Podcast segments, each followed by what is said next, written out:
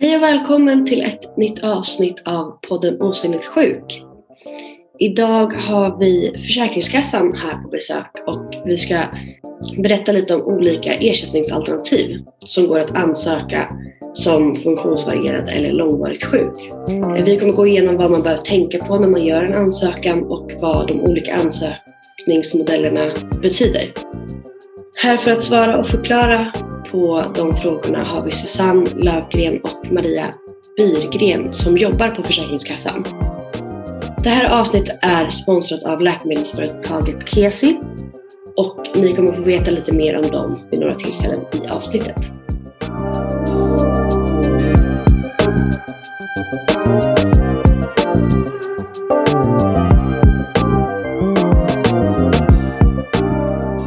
Så vi kan säga hej och välkomna till Susanne och Maria.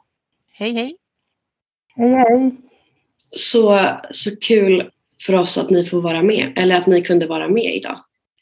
Det är ju en djungel av olika ersättningsalternativ. Mm. Så det är jättebra att få dem förklarade.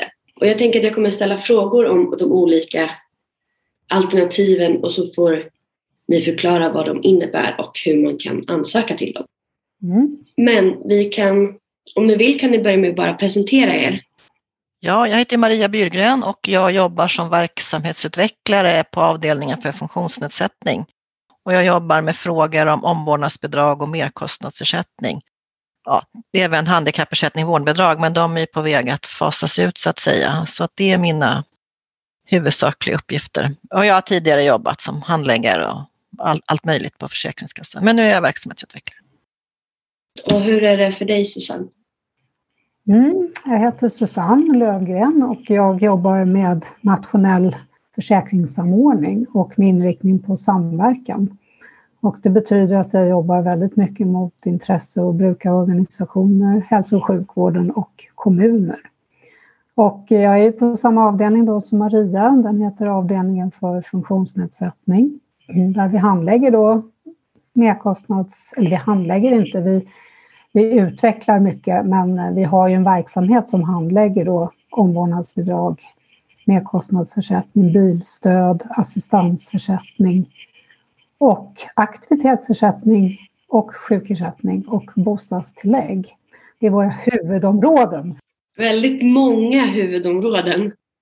Ja, det är lite att hålla reda på. Och sen eh, har vi naturligtvis då också beroenden till barn och familj, den avdelning då som handhar kontaktdagar, allvar, TFP för allvarligt sjukt barn, tillfällig föräldrapenning ska jag säga.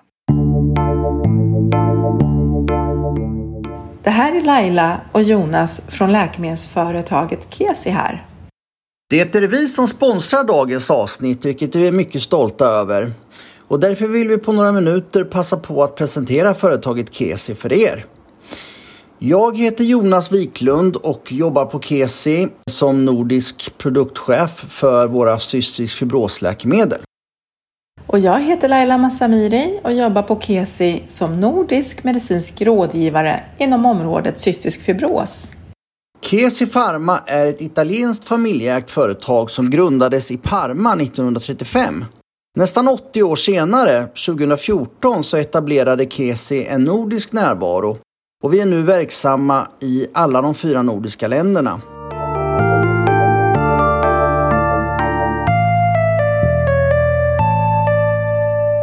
Vi kan börja prata om merkostnadsersättning för vuxna och merkostnadsersättning för barn. För det är väl en skillnad mellan de två, antar jag.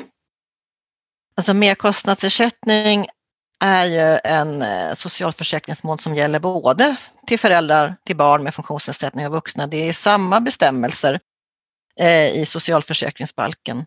Det som skiljer åt är ju eh, att när respektive ska ansöka så att säga, är man förälder till barn, barn upp till 18 år, då är det föräldern som ansöker. Man kan ansöka var och en för sig som förälder eller ensam eller tillsammans, alltså en gemensam ansökan. För unga vuxna mellan 18 och 21 år, där är det beroende på om den unga vuxna själv ska ansöka eller inte och det beror på om den unga vuxna studerar på en grundutbildning, alltså gymnasieskola eller grundskola, då är det föräldern som ansöker för då har man en underhållsskyldig förälder. Har man inte det när man är mellan 18 och 21, alltså man studerar inte, då är det den unga vuxna själv som ansöker om ersättning. Och från och med 21-årsdagen då räknas man som vuxen och då söker du själv om ersättningen. Okej. Eh, Det är det som skiljer åt. Eh, Det som också skiljer åt är ju att nedsättningen i funktionsförmågan för, för barn, alltså eh, när föräldrar till barn ansöker, ska vara sex månader. Och för en vuxen ska den nedsatta funktionsförmågan vara ett år. Annars Mm. är det samma bestämmelser liksom som följer sen hur vi tittar på kostnader och gör bedömningar om man kommer upp till vissa nivåer som krävs då för att kunna beviljas merkostnadsersättning. Mm. Men innebär då att man måste ansöka var sjätte månad om man har ett barn? Nej. Nej, utan det är liksom det är de inledande förutsättningarna är det här. Eh, och sen ska man även då vara försäkrad och det gäller ju för samtliga våra ersättning eller förmåner vi kommer att prata om idag, det är att man är försäkrad för svensk socialförsäkring. Alltså man, antingen att man bor i Sverige eller att man arbetar i Sverige. Det beror på lite vilken, vilken förmån eller ersättning man ansöker om, men det är liksom de inledande förutsättningarna. Du söker inte om var sjätte månad eller någonting sånt, utan eh, hur lång tid man beviljas beror ju på hur till exempel då i merkostnadsersättning, hur lång tid dina kostnader bedöms finnas kvar. Mm. Och sen då klart beroende på åldern på barn, där finns det ju en tidsbegränsning kan man säga. Mm. Men så om det är, alltså merkostnadsersättning betyder egentligen de merkostnader som tillkommer på grund av ens eh, tillstånd? Ja, det ska vara ju vara en, en följd av funktionsnedsättning, alltså det ska ju finnas en koppling till din funktionsnedsättning, den kostnad du har. Och det är ju som namnet låter en merkostnad, så att det är ju vad som är utöver för vad en person i jämförbar ålder, ett barn i jämförbar, jämförbar ålder skulle ha för kostnad. Det här är den kostnaden som liksom är utöver Mm. den kostnaden. Och den ska vara till följd av funktionsnedsättningen. Och sen när vi bedömer den så ska den vara rimlig då i förhållande till din funktionsnedsättning och i förhållande till hur mycket, hur mycket kostnad du har. Vi använder oss ju till exempel av referensvärden ibland, till exempel på kläder. Vad kostar kläder för en vuxen eller barn i ett viss ålder? Och vilken kostnad har du ansökt om? Är den rimlig i förhållande till din funktionsnedsättning och till vad... Alltså kläder ska ju alla personer ha. Vad är den liksom rimlig i förhållande till vad det skulle kosta för ett barn eller vuxen i motsvarande ålder? Mm. Och så det är liksom förenklat, eh, det är mellanskillnaden mot en vanlig kostnad och mot den kostnaden jag har till följd av funktionsnedsättning. Mm. Men när man gör den här ansökan då om merkostnadsersättning, vad är, no, alltså, vad är viktigt att ta upp i den? Ja, det är viktigt att ta upp de kostnader som är till följd av din funktionsnedsättning. Eh, Och det är viktigt att tänka på att berätta för oss eller beskriva hur du har räknat ut den. Är det liksom, ibland är det svårt att veta vad som är merkostnaden, men om du räknar ut till exempel en hel kostnad på ett helt år, eh, så säg det då att det här är min totala kostnad för den här på ett år. Annars kan man ju försöka räkna ut också vad som är den överskjutande kostnaden, så att säga, merkostnaden. Det är viktigt att tänka på att, att den ska ha en koppling och att du ska betala för kostnaden själv också. Att ingen annan Ibland så har ju regionerna olika avgifter. Eh, man betalar kanske hyra för ett hjälpmedel och vissa regioner får man det här hjälpmedlet gratis. Det ser lite olika ut så att det är kostnader du betalar för själv. Och då kan ju ändå ersättningen se lite annorlunda ut för barn och vuxna beroende på vad man har för utgifter som barn och vuxen. Då. Absolut, det är liksom sl- i slutändan så, så ska vi ju ackumulera, alltså lägga ihop alla kostnader på en 12 månadersperiod, alltså en årsperiod och då behöver man komma upp i en lägsta nivå för att kunna beviljas ersättning.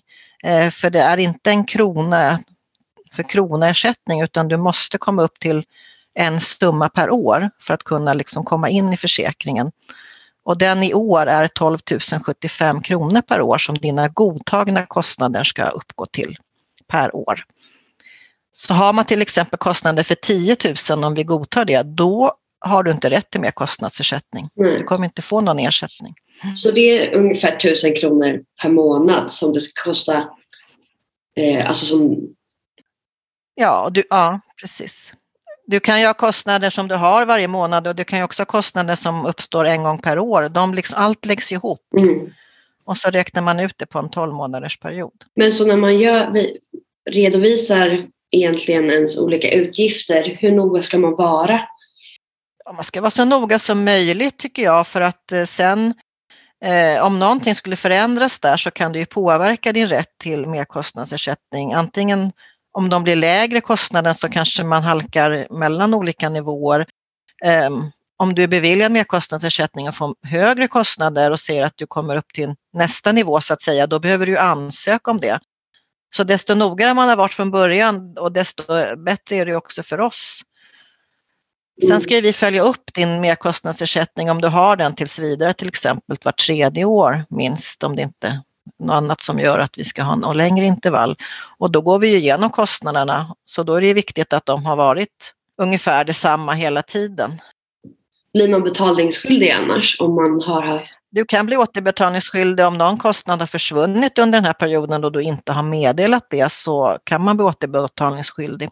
Så det är jätteviktigt att anmäla också om det är så att en, en kostnad som skulle påverka, eller du kan anmäla det ändå, men då tittar vi ju på om det liksom påverkar din ersättning på något sätt. Och det Mm. Ska man göra inom 14 dagar egentligen när kostnaden förändras. Så desto noggrannare man har varit, desto lättare har man ju själv att se om det är någon förändring i min kostnad. Tar ni någon hänsyn till hur mycket inkomst man har? Nej, den här har ingen med inkomsten att göra, utan den är ju grundad då, ersättningen är grundad på ett prisbasbelopp som man får ersättning utifrån och inte från en inkomst. Men, men vi säger då till exempel att eh, ha ett barn som är sjukt och som behöver... Alltså de, dens matkostnader blir över det normala. Alltså när man ansöker måste man också bifoga såklart ett läkarutlåtande som beskriver mm, liksom vad jag har för funktionsnedsättning och vilka behov som finns. Sen behöver inte i det utlåtandet stå exakt vilka kostnader jag har, för det är omöjligt för en, för en läkare att beskriva. Men däremot om man har kostproblematik så, så har man ju oftast kanske en dietist inblandad eller någon annan liksom sakkunnig som kan beskriva vad har den här barnet eller personen för behov av för kost. Mm. Men samtidigt så utgår ju vi från att man har liksom en normalkost och den är ju motsvarande den som kanske, ja, vilka är det, Livsmedelsverket eller som tar fram eh, vad man bör äta i vissa åldrar, eh, protein, kolhydrater. Och för flera år sedan så hade ju Konsumentverket tagit fram olika merkostnader för specialkoster, vilket man har, gör inte längre eftersom det är så individuellt diabeteskost är ju en kost som motsvarar egentligen kost som, som är bra för alla att äta. Alltså inte för mycket socker, inte för lagom med fett, lagom med kolhydrater och proteiner. Så att själva merkostnaden där såg man väl inte var en eh, merkostnad till följd av diabeteskosten.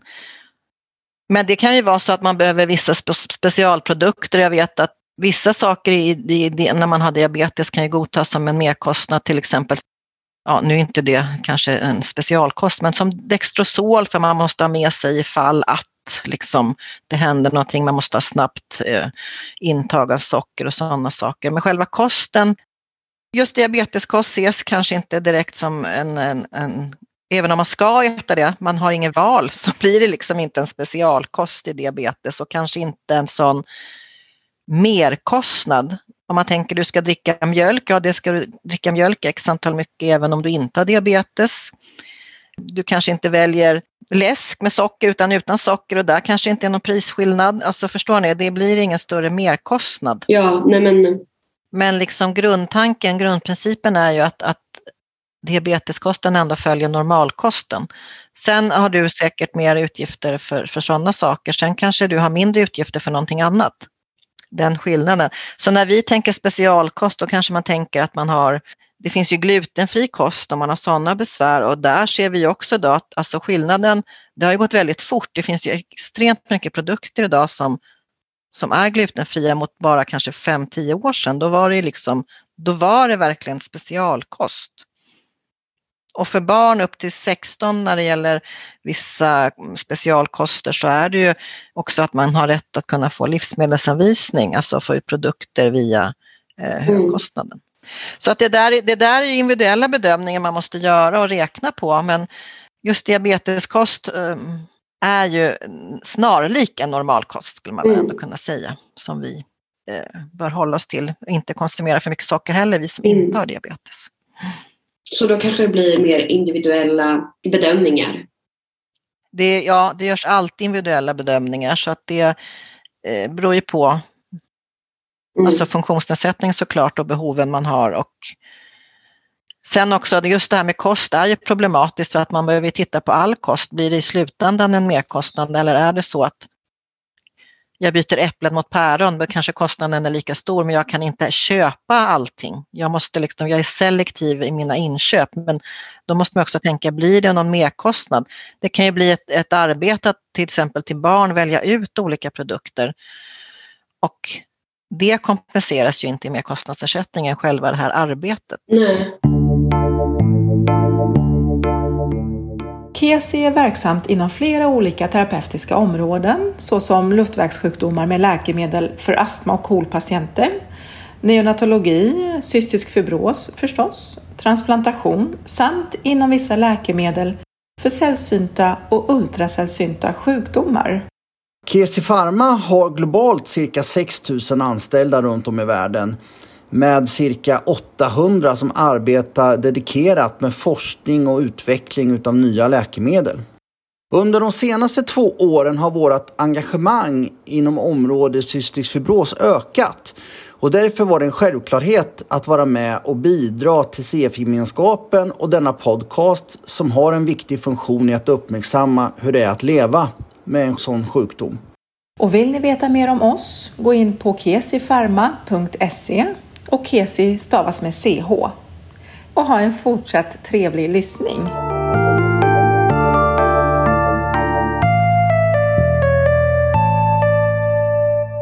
Är det några utgifter man inte ska ta med i ansökan? Uh, säg färdtjänst eller? Alltså, har du färdtjänst till följd av din funktionsnedsättning, alltså du har blivit beviljad det, så ska du ta med det. Men färdtjänst är ett bra exempel på varför det kan skilja sig åt till exempel mellan olika en, en kanske får merkostnadsersättning och en inte och den kanske hade just färdtjänst godkänt, för vi godtar ju färdtjänst men vi räknar av vad resan skulle ha kostat om man åker allmänna kommunikationer. Så här ser det ju väldigt olika ut beroende på i vilken region eller kommun du bor. Som i Stockholm har jag för mig så var det i alla fall förut att Färdtjänsten motsvarar ju kostnaden för allmänna kommunikationer och då blir ju merkostnaden noll kronor. Just det. Ja. Men om färdtjänsten skulle vara dyrare än allmänna kommunikationer så är det ju mellanskillnaden där och då, kan, då mm. får du det godtaget. Eller jaha, du menar att det kostar lika mycket som att ha ett SL-kort då till exempel i Stockholm? Ja, precis. Ja. Jag bara undrar, när man bedömer då om någon är funktionsnedsatt eller inte, hur gör man den bedömningen? Så där är ju läkarutlåtandet. Vi behöver ju en, ett läkarutlåtande som beskriver då antingen barnets funktionsnedsättning eller den vuxna bedömer då i merkostnadsersättning om, om ja, har du diabetes så har du ju en sjukdom eller funktionsnedsättning. Har du en intellektuell funktionsnedsättning så framgår ju det. Har du cystisk fibros så framgår ju det och då ska vi bedöma om, om funktionsförmågan då är nedsatt för minst sex månader eller ett år. Och det är ju läkarutlåtandet som, som talar om det för mm. oss eller bekräftar det. När man gör den här äh, ersättningen så får man ju då förhoppningsvis ersättning för då åtminstone tre år. Men hur långt innan perioden upphör ska, får man brev om det? Och hinner man göra en ny ansökan inom den tiden? Du kommer inte få något brev om att din ersättning upphör om du är beviljad utan där står det, framgår i beslutet hur lång tid du är beviljad för. Så söker du fortsatt ersättning så kanske du söker ifrån den månaden när det har upphört men du kan ha rätt tre månader tillbaka före ansökan om förutsättningarna finns. Och har du redan haft så är det bara om du får en högre ersättning du kan backa bak tre månader. Men är det första gången du ansöker så kan man söka kan man ha rätt till ersättning om kostnader och sånt har funnits och uppgår till den nivå som behövs tre månader innan ansökan. Så det är en retroaktivitet på tre månader. Sen om det uppstår ett glapp eh, i utbetalningen så är det ju så att om du har rätt till din ersättning så kommer du ju få den under, alltså från du har ansökt Just nu har vi ju långa handläggningstider så att, eh, och med handläggningstid menar vi från det att ansökan kom in tills dess du får ett beslut. Så det är svårt att säga när ska jag skicka in min ansökan om fortsatt då? då? Ja, i alla fall kanske två månader innan. Det är svårt att rekommendera men det där beror ju lite på våra handläggningstider såklart. Absolut, men ibland så kanske det är också svårt att söka alldeles för lång tid i förväg för att du kanske har liksom kostnaden kan förändras fram till dess att mm. nya perioden ska börja. Så det, det är svårt att säga, men det, på vår hemsida framgår det oftast hur långa handläggningstider vi har och vi har ju haft långa mm. handläggningstider och har fortfarande som vi hoppas komma till rätta med under det här året. Ja. Tyvärr. Men de här, hur, hur ser ersättningsnivåerna ut? Precis, ersättningsnivån, är, är det så att du kommer upp då till de här i år 12 075 kronorna per år i, i godtagna kostnader, då säger vi att du får merkostnadsersättning med 30 procent. Och det motsvarar 1 208 kronor per månad. Mm. Och sen är nästa år 40 procent, 50 procent, 60 procent, 70 procent. Så det mesta du kan få per månad är 2 818 kronor.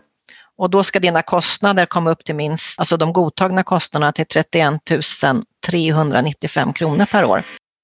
Har man flera barn och man söker som förälder till barn så lägger vi såklart samman de här kostnaderna och då kan man ju få högre ersättning. Då kan man kombinera de här olika nivåerna. Om du har flera barn som du har godtagna kostnader för. Men som vuxen så är det ju 30, 40, 50, 60, 70 procent av ett prisbasbelopp då.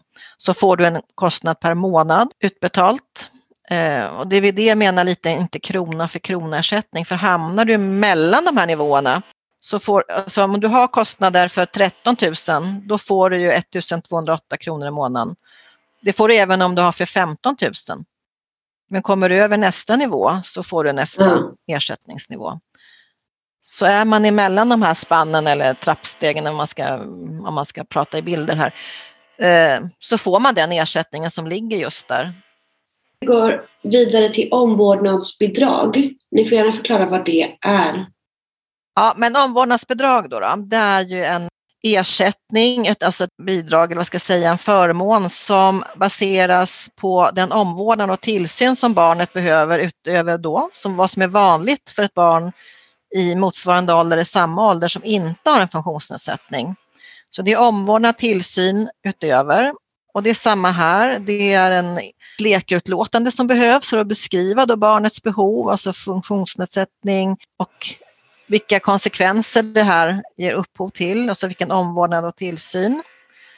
Och det här behovet av omvårdnad och tillsyn ska till följd av funktionsnedsättningen behöver finnas för minst sex månader. Här behöver man också såklart vara förälder till barnet eh, eller man kan också vara likställd med förälder och det kunde man även i merkostnadsersättningen. Det skiljer lite åt där men som eh, likställd med förälder är ju om man är förälderns make som stadigvarande bor med den här föräldern. Eh, man kan vara en föräldersambo, man har tidigare varit gift med eller har barn, haft barn med den här föräldern. Då är man likställd med förälder. Särskilda förordnade vårdnadshavare är ju föräldrar upp till 18 år eller om man är en blivande adoptivförälder till ett barn som inte är svensk medborgare ännu och inte är bosatt i Sverige när man får barnet i sin vård. Mm. Samma sak här som med merkostnadsersättningen så kan ju föräldrarna välja att söka tillsammans för barnet eller barnen. Man kan söka för flera barn också med funktionsnedsättning. Man kan göra det gemensamt eller var för sig eller så söker man ensam. Mm. Bara en förälder ansöker. Det är många i våra patientgrupper som har märkt eller att man gör väldigt olika bedömningar beroende på vilken handläggare man har när man får de här merkostnadsersättningen eller omvårdnadsbidraget.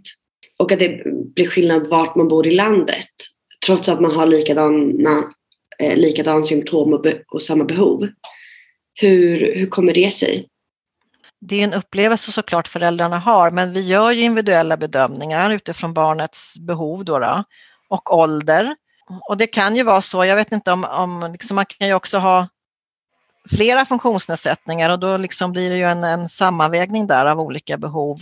Vi har inte sett direkt någon liksom avvikelse, att, att utfallet i olika delar av landet skiljer sig åt. Vi har ju beslutsfattare de, som fattar besluten sitter ju koncentrerat i olika delar i landet men vårt inflöde är ju liksom från hela landet. Men det kan ju vara olika saker som påverkar, alltså även om barnen har, det är inte utifrån diagnos man får sin ersättning utan det är ju från omvårdnaden och tillsynen och barnets ålder och vad du som förälder om, liksom, tillgodoser. Eh, så det är svårt att säga att det ska skilja sig åt, eller det är klart att det inte ska skilja sig åt om det är likvärdigt i barnens ålder och allting så ska det inte vara någon större skillnad. Sen kan man ju ha, i vissa fall kan man ju ha annat stöd, till exempel från kommunen. Det kanske inte är vanligt i cystisk fibros men i en del förmåner har man ju insatser, alltså man har eh, ledsagare, andra saker, alltså inom socialtjänstlagen eller lagen om stöd och service och det påverkar också såklart omvårdnadsbidragets omfattning för att då är det tillgodosett av en annan huvudman som vi säger, alltså annat samhällsstöd. Mm. Det kan ju påverka bedömningen. Mm. Nej, men för till exempel för oss med cystisk fibros så det är en ganska liten patientgrupp och vi har ganska nära kontakt med varandra. Och då har vi märkt att det är många som gör en ansökan och kanske får avslag, avslag men överklagar det och då får, eh, får vad heter det, ersättningen beviljad. Och det tar ju ganska mycket energi egentligen att göra en till ansökan. Ja, då, då undrar vi väl kanske varför det är så. Ja, det har jag svårt att svara på. Eh, jag tänker, begär man omprövning och får det liksom eh, beviljat där eller gör man en helt ny ansökan och får det beviljat? Vi har ju en omprövningsenhet som tittar på ärendet igen och ibland den största anledningen till då varför det ändras i alla fall det är ju att vi får in nya medicinska underlag som kanske beskriver någonting mer tydligt. För vad vi tittar på när vi gör en ansökan det är ju dels medicinska underlag och vi har förälderns beskrivning alltså vad den säger och ifall den har kompletterat med uppgifter och vi kan ju också behöva komplettera med uppgifter.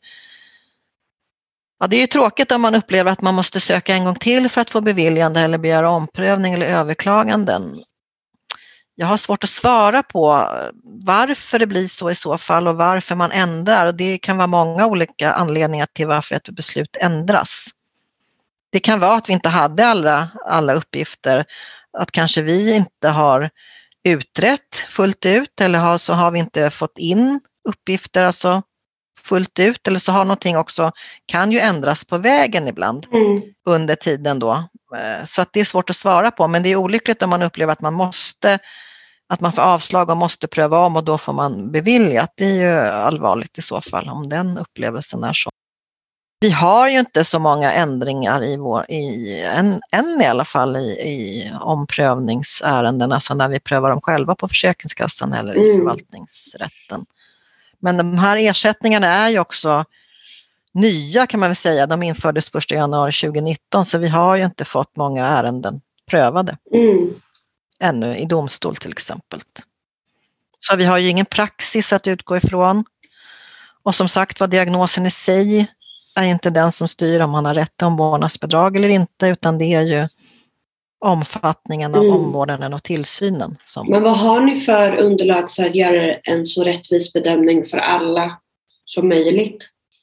Så vi ska ju vara pålästa när vi utreder vad det innebär att ha den här funktionsnedsättningen, vilka behov av omvårdnad och tillsyn finns och sen eh, går man ju igenom i, i allra flesta fall med föräldern då, den, eh, beskrivningen hur det ser ut för det här barnet, vad gör jag som förälder, vilka behov ska tillgodoses? Och barn då, alltså små barn, där är det också en viss mått av föräldraansvar i olika situationer. Jag menar, riktigt små barn går inte på toaletten själv eh, oavsett funktionsnedsättning. Sen kan det finnas moment där som ändå gör att det går utöver föräldraansvaret men det är sådana bedömningsgrunder också som ligger till grund här så att det är ju vi tittar ju på vilka behov finns då som föräldern säger till följd av funktionsnedsättningen. Hur ser det ut i läkarutlåtande, vad mm. beskrivs där? Och är det inte fulltäckt där så, har vi, eller så ska vi också komplettera med den som är lämplig att höra med beroende på vad frågan gäller, liksom, där vi inte mm. tycker att vi har fått svar. Men åldern såklart på barnet har ju stor betydelse. Och ersättningsnivåerna för omvård, omvårdnadsbidrag, vad, vad är de?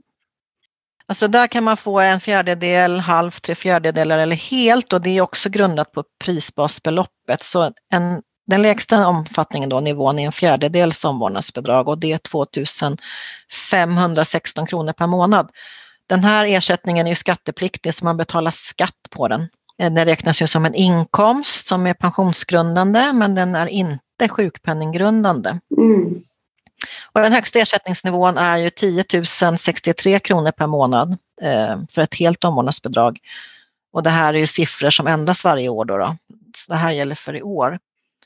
En annan sak man införde 2019 var ju att om, om barnet är berättigat, alltså att man har rätt till omvårdnadsbidrag för det här barnet så har ju föräldern eller båda föräldrarna oavsett om det är bara en som är beviljad omvårdnadsbidrag eller har rätt till, rätt att eh, minska sin eller förkorta sin arbetstid med upp till 25 procent. Och det är ju enligt föräldraledighetslagen så det är ingenting som Försäkringskassan godtar eller inte utan men det har man rätt till. Eh, och det gäller även om man har vårdbidrag för sitt barn nu men tidigare i vårdbidraget så fanns inte den rätten att vara, förkorta sin arbetstid utan då fick man ju sköta det på annat sätt om man behövde gå ner i arbetstid. Men nu finns ju rätten till att förkorta sin arbetstid. Det man ska komma ihåg då eftersom den här ersättningen inte är sjukpenninggrundande så att säga, det är ju att man får en lägre inkomst så att man skyddar inte sin sjukpenninggrundande inkomst med omvårdnadsbidraget. Mm. Om, om du bara kunde förklara lite vad prisbasbeloppet innebär? Prisbasbeloppet är ett belopp som regering och riksdag fastställer varje år och det ska ju följa prisutvecklingen i landet. Eh, så i år är ju prisbasbeloppet 48 300 kronor. Och de ersättningarna då, både omvårdnadsbidrag och merkostnadsersättning, grundas ju på det. Så det grundas ju inte på din inkomst eller någonting sånt. Utan ett helt vård, eller omvårdnadsbidrag är 2,5 prisbasbelopp per år och sen får man ut ersättningen då per månad. Och en fjärdedel är 62,5 procent av ett prisbasbelopp. Ja. Men det grundas ju inte på din inkomst utan på det här prisbasbeloppet och det är ju regering och riksdag som fastställer det för varje år. Ibland blir det högre, det har hänt några år att faktiskt att man har sänkt prisbasbeloppet och då påverkar det också ersättningen man får, då blir den lägre. Höjer man så kommer den höjas liksom, om man har en, en löpande ersättning så höjs ju också månadsbeloppet upp om man höjer prisbasbeloppet. Mm. De här olika ersättningarna påverkar varandra Omvårdnadsbidrag och merkostnadsersättning eh, ska inte påverka varandra mm, på det sättet, för den ena ska kompensera för kostnader och den andra för omvårdnad och tillsyn. Däremot omvårdnadsbidrag och tillfällig föräldrapenning kan påverka varandra.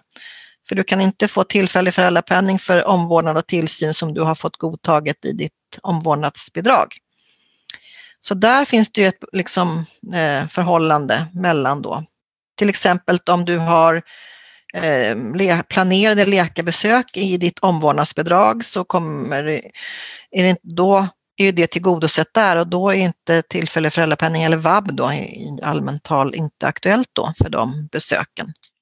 Okej. Okay.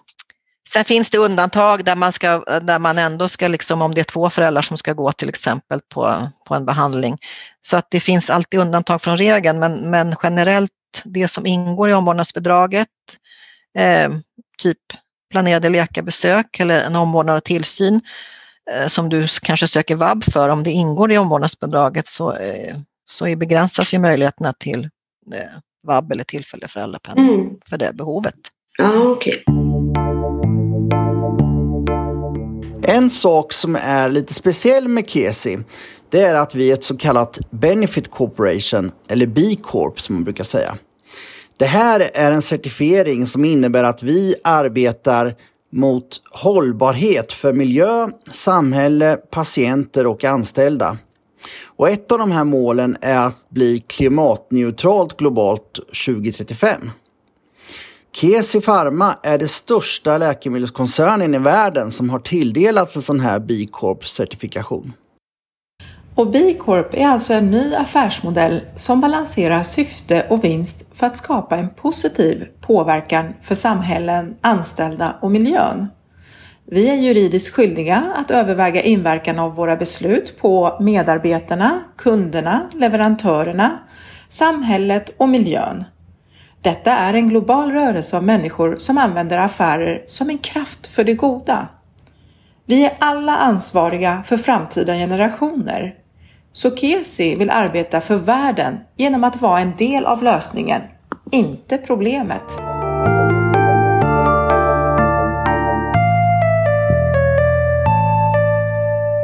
Jag tänker att vi går vidare till bilstöd, eh, både för vuxna och barn då. Ehm, Ja, så vad, vad är bilstöd? Ja, bilstöd är ju ett, eh, det, det, kan du få om du har en varaktig funktionsnedsättning och sen att du har stora svårigheter att förflytta dig eller att åka kollektivt, till exempel med buss, tåg eller tunnelbana. Och de här svårigheterna ska finnas kvar för minst nio år. Eh, och du behöver ju en bil då för att kunna förflytta dig. Eh, du ska själv köra bilen. Eh, när det gäller barn så, så ska du kunna förflytta dig tillsammans med barnet som är tanken och du behöver ju bo tillsammans med barnet. Och även här då, då så behövs ju ett, ett lekutlåtande som beskriver dina svårigheter att eh, förflytta dig eller att kunna åka kollektivt. Och hur länge den här kommer bestå. Ja. Jag vet att det blev någon förändring för färdtjänst i alla fall och bilstöd tror jag eh, eh om man har cystisk fibros. För anledningen till att inte åka kollektivtrafik har ju kanske inte varit att man inte kan göra det fysiskt utan att immunförsvaret är ganska, eller att det är nedsatt eller att man drabbas hårdare av eh, infektioner. Jag tror, vet inte om det godtas längre som argument. Gör det det? Alltså det, pröv, det här prövas ju också och eh, vi har ju eh, ärenden där man har cystisk fibros. Men utöver att man ska ha då svårigheter att eh, åka kommunalt eller svårigheter att, att förflytta sig, det, de har ju skrivit in båda här nu då, inte bara förflyttningssvårigheter. Eh, så behöver man ju också tillhöra en bidragsgrupp på den som söker då. Och dels så är det ju ja, att man ska vara under 65 år och eh, behöver bilen för att försörja sig eh, genom ett arbete eller att man går en utbildning eller rehabilitering. Den här arbetet eller rehabilitering eller utbildning ska pågå för minst sex månader. Man kan också vara under 65 år och har haft ett arbete eller har studerat, sen har man fått sjuk eller aktivitetsersättning. Du ska själv köra bilen när du är mellan 18 och 49 år. Och om man har barn under 18 år som bor tillsammans med dig så behöver man en bil för att flytta sig tillsammans med barnet men du ska fortfarande köra bilen själv. Mm det är olika bidragsgrupper då, plus att man då ska ha de här svårigheterna att, att uh, åka kommunalt. Det verkar som att det var ett glapp där mellan 49 år och 65 år, eller? Ja, du ska köra bilen själv och är 18 till 49 år. Den som mellan, om du är under 65 så ska man ju också ha ett arbete. Så någon av de här bidragsgrupperna, det är inte alla du ska falla in utan det är någon av de här bidragsgrupperna du, du faller in i. Ja. Och, och varför kan man inte eh, eh, vad heter, ansöka om det här om man är över, eh, över 65? Över 65 det ju, har ju att göra säkert med att du måste ha haft ett arbete eller ha sjuk och aktivitetsersättning och det har du ju inte. Du kanske har, blir ålderspensionär efter 65 eller så din sjukersättning då räcker till 65 år så att där faller man där. Jag törs mm. inte svara riktigt på eftersom jag inte är helt hundra insatt i det här. Om man söker efter 65, om du kommer in i någon bidragsgrupp här, men det ser inte ut så. För då är det ju över 49 så att säga. Och över 65 också då. Men så då, då är det alltså att eh, man får ersättning för vad en bil skulle kosta och för bensin eller? Alltså det finns olika bidrag man kan få. Man kan få grundbidrag och det är ju för att inköp av en bil. Eller ja, det är grundbidrag. Sen kan du också få anskaffningsbidrag och det har ju att göra med hur mycket, vilken inkomst du har. Och sen kan du få tilläggsbidrag. Så det är olika bidrag. Det är ganska många bidrag. Så hur mycket bidrag du kan få, det beror ju på din inkomst, om du behöver anpassa bilen när du har köpt den, om du behöver en extra stor bil eller om du behöver, och, eller om du behöver vissa anordningar i bilen. Och det mm. beror ju också på när ansökan kom till Försäkringskassan för det händer, jag vet inte om det har hänt i år, men det händer ju att det här är ju ett, ett eh, vad ska man säga, man får ju medel för bilstöd och de kan ju ta slut under året. Okay. Det är en viss summa som tilldelas bilstöd så det kan ju ta slut om det är många som beviljas bilstöd. Jag vet inte om Susanne har koll på det men Ja, det är ju ett statsbidrag det här. Det är ett bidrag som eh, kommer. Och eh, tar det slut under året då får man vänta till nästa år helt enkelt för att eh, ta del av bidraget. Så det stämmer det, precis vad Maria sa. Men tilläggsbidraget tror jag har höjts. Nu är det 50 000 om någon behöver anpassa. Och 60 om du måste ha en bil för att sitta kvar i rullstol. Så vad, vad är det man ska tänka på när man gör en ansökan om bilstöd? Jag tycker man ska ansöka om bilstöd och sen eftersom det är en ganska komplex då, ersättning, vad ska jag säga, det finns ju många olika bidrag att eh, kunna ansöka om. Så det viktigaste är väl att man lämnar in en ansökan att man har behov av en bil till följd av sin funktionsnedsättning och att man uppfyller då de här att man har svårigheter att eh, förflytta sig eller eh, att åka kollektivt Eh, att den grundförutsättningen uppfylls. Sen kan man ju ha en dialog med vad är det jag ska ansöka om. Det här grundbidraget, eh, anskaffningsbidraget, tilläggsbidrag eller bidragsbelopp för att an, alltså anpassa anordningsbidrag. Då, då Om man vill ha bidrag till att anpassa så kan man liksom bara säga det så kontaktar Försäkringskassan dig för att liksom, och det kommer de göra oavsett. Så det viktigaste är att tänka på att man uppfyller det här att man är försäkrad, att man eh, tillhör den här bidragsgruppen och att man har de här svårigheterna att förflytta sig eller åka eh, med allmänna kommunikationer så att säga. Mm. Det är väl det viktigaste, tänker jag, att tänka på. Sen har man ju en dialog med dig som ansöker. Är man osäker så kan man ju också kontakta Försäkringskassan höra liksom, är det här någonting för mig? Och man kan ju också alltid med alla de här ersättningarna läsa på på Försäkringskassans eh, hemsida. Där står det ju en del information. Absolut. Nej men tack som sagt så väldigt mycket för att ni var med här och svarade på alla frågor. Så kanske man har fått lite större liksom, förståelse över vilken ersättning man ska ansöka om och hur man ska ansöka om den. Men som ni har sagt också att man kan ju absolut kontakta Försäkringskassans eh, kundservice eller kolla på hemsidan för att få mer information om specifika ärenden. Sen ska också sägas att förutom ersättningsmöjligheter eh, så kan man även få kommunala stöd, till exempel bostadsanpassningsbidrag eller kommunalt bostadsbidrag, även färdtjänst. Då, då. Och då är det, det du ska göra då är att kontakta din hemkommun för mer information eller gå in på deras hemsida. Det går även att få extra anpassning och särskilt stöd i förskola och skola och det kan man läsa mer på, på skolverket.se. Sen har vi på RFCs hemsida även en lathund på vad man ska tänka på när man ansöker då om ersättning. Så det kan ni också kolla på för att få lite stöd. Och sen går det att tillägga också att vi har ju tillgång till kurator på de olika CF-centren som kan hjälpa vid ansökning också. Jag som har intervjuat heter Moa och tack för att ni har lyssnat. Och än en gång så är det då Kesi som har varit med och sponsrat. Tack så mycket!